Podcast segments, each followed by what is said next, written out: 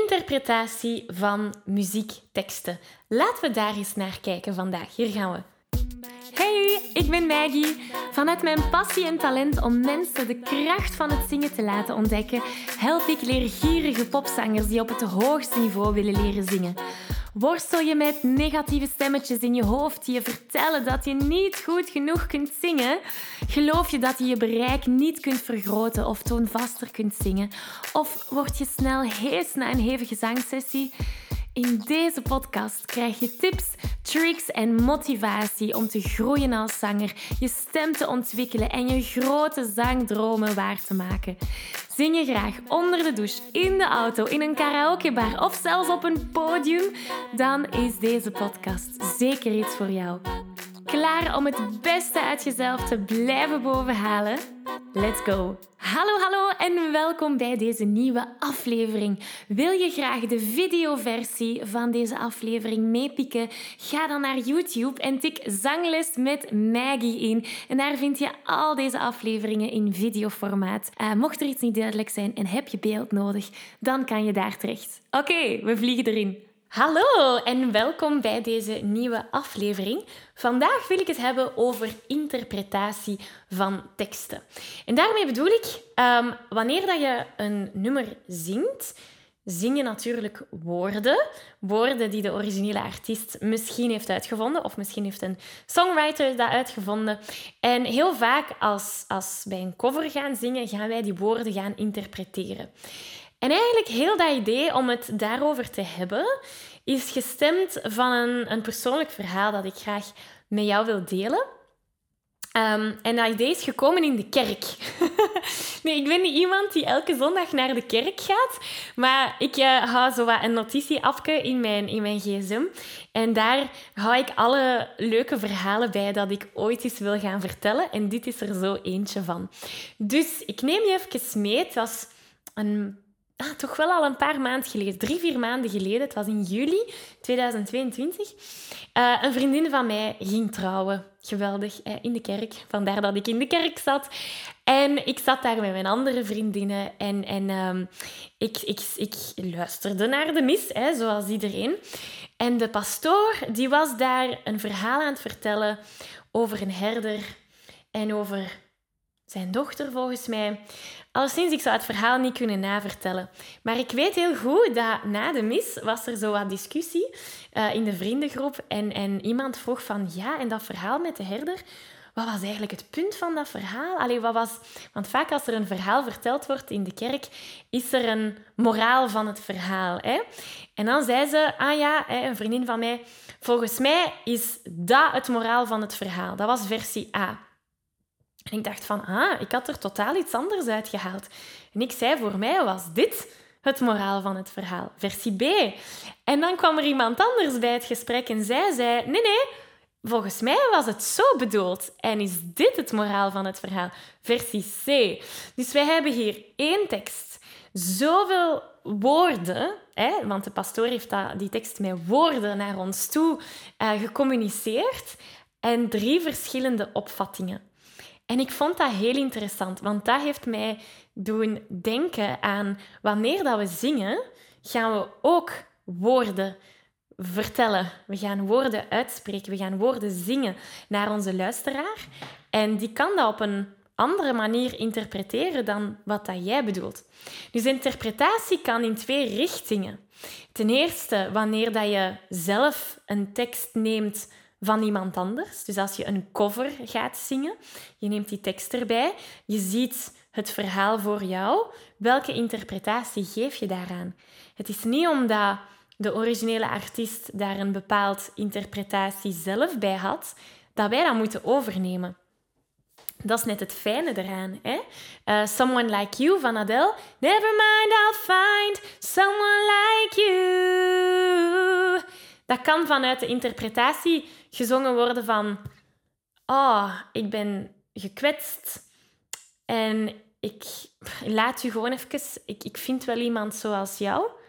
Ja, dat kan zo gezongen worden. Maar dat kan ook super dankbaar gezongen worden. Hè? Als gepassioneerde zanger weet je dat je stem op een gezonde manier leren gebruiken een essentieel onderdeel is van het zingen, zodat je nog lang en gezond kunt blijven zingen. Toch? Nu, de meeste beginnende zangers die maken de fout om hier niet bij te blijven stilstaan. Ze zijn zich niet bewust van hoe ze hun stem tijdens het zingen gebruiken. En ze weten ook niet hoe ze deze op een efficiënte manier kunnen gaan gebruiken, zodat ze met gemak kunnen gaan zingen. De realiteit is dat het niet enkel genoeg is om je stem mooi te laten klinken tijdens het zingen.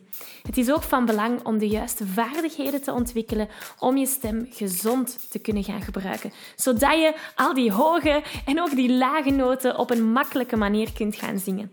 En daar wil ik je heel graag mee helpen.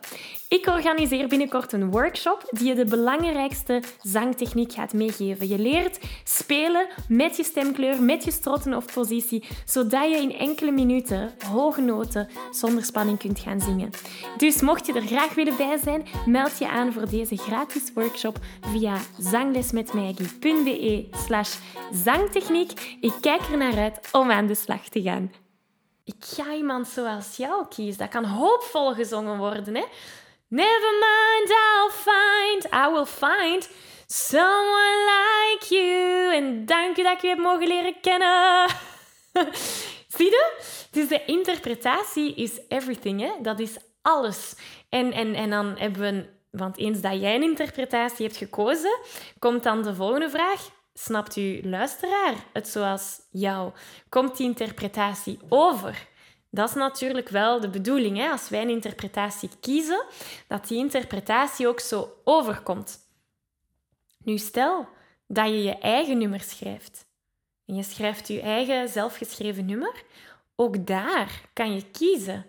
Laat ik ruimte vrij voor interpretatie, voor mijn luisteraar? Of maak ik het zo concreet dat ze geen andere interpretatie kunnen gaan kiezen? Een voorbeeld. Mumford Sons. Dat is mijn favoriete band aller tijden trouwens. Die hebben prachtige teksten. Veel mensen herkennen zichzelf in hun teksten.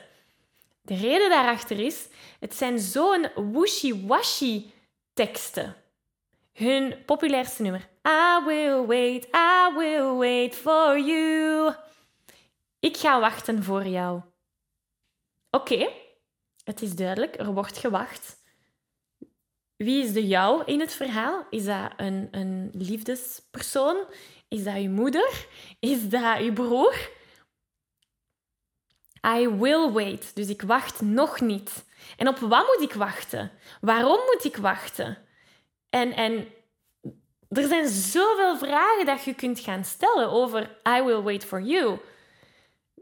En er is nog een andere mooie, Below My Feet. Dat, dat is een, een ander nummer van hen. Keep the earth below my feet. Hou de aarde onder mijn voeten. Je kunt dat letterlijk opnemen. Ja, ik, ik sta hier met mijn voeten op de grond, dus ja, er is aarde onder mijn voeten. Maar je kunt dat ook heel figuurlijk opnemen. Hè, van, ik wil niet dat de grond van onder mijn voeten wegzakt. Ik wil niet doorzakken, emotioneel of, of misschien mentaal. Hè, er is zoveel ruimte ter interpretatie. Terwijl als we kijken naar Hey, I just met you. And this is crazy, but here's my number. So call me maybe. Er is weinig ruimte voor interpretatie. Hey, ik heb u net ontmoet. En dit is een beetje gek, maar hier is mijn nummer. Dus bel mij maar. Daar is niet zoveel ruimte ter interpretatie. Zie je? Dus ik wil jou uitnodigen om daarbij stil te blijven staan wanneer je een nummer gaat zingen aan de ene kant, wanneer je een cover gaat zingen, hè, welke interpretatie kies jij? Maar aan de andere kant, als je je eigen nummer schrijft, laat jij ruimte voor interpretatie of niet? En als je ruimte laat, hoeveel ruimte? Gaan we heel wishy-washy, zoals Mumford Sons, of gaan we heel concreet? Hè? Dat is een keuze dat we kunnen gaan maken als artiest. Dus dat is wat ik vandaag wou delen. Ik nodig u uit om daarmee te blijven um, in beweging blijven komende week en daar eens te blijven bij stilstaan. Natuurlijk, interpreteren van teksten tijdens het zingen, dat gaat enkel en alleen als onze zangvaardigheden ontwikkeld zijn. En onze zangvaardigheden ontwikkelen, dat start bij zangtechniek. Ik geef je een virtuele high five. Deze aflevering zit er alweer op. Ging dat ook veel te snel voor jou? Als je nog meer weetjes, oefeningen en zangtips wil, ga dan naar zanglesmetmaggie.be. Wil je eerder deel uitmaken van de leukste online zangfamilie? Word dan lid van onze privé Facebookgroep. Hij heet Zangles met Maggie. Hier kom je in contact met gelijkgestemde zangers, krijg je feedback, aanmoediging en zelfs gratis zanglessen. Vond je deze aflevering leuk en waardevol? Abonneer je dan zeker op deze show. Deel het met je vrienden en laat een review achter, zodat we nog meer zangers kunnen bereiken en de kracht van het zingen kunnen verspreiden. Dankjewel voor je enthousiasme, je steun en tot binnenkort.